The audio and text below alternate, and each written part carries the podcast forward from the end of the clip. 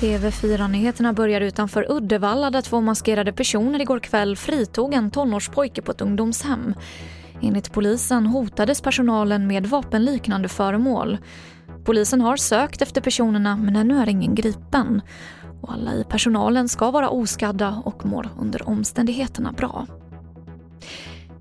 Klädhandeln har inte återhämtat sig helt efter pandemin. Enligt nya branschsiffror var försäljningen av kläder nu i september nästan i nivå med försäljningen före pandemin eller en minskning med en halv procent. Men däremot så har försäljningen av skor halkat efter rejält med nästan 17 procent. Enligt handeln så kan ett problem för återhämtningen vara att det just nu kan vara svårt att få fram varor i tid.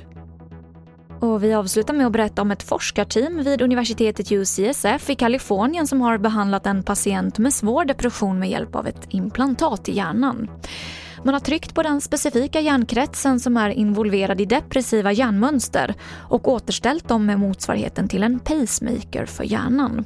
Och här i Sverige så pågår liknande forskning och man uppskattar att det kan dröja runt tio år tills dess att metoden går att använda på allmänna patienter. Fler nyheter hittar du i vår app TV4 Nyheterna. I studion Emily Olsson.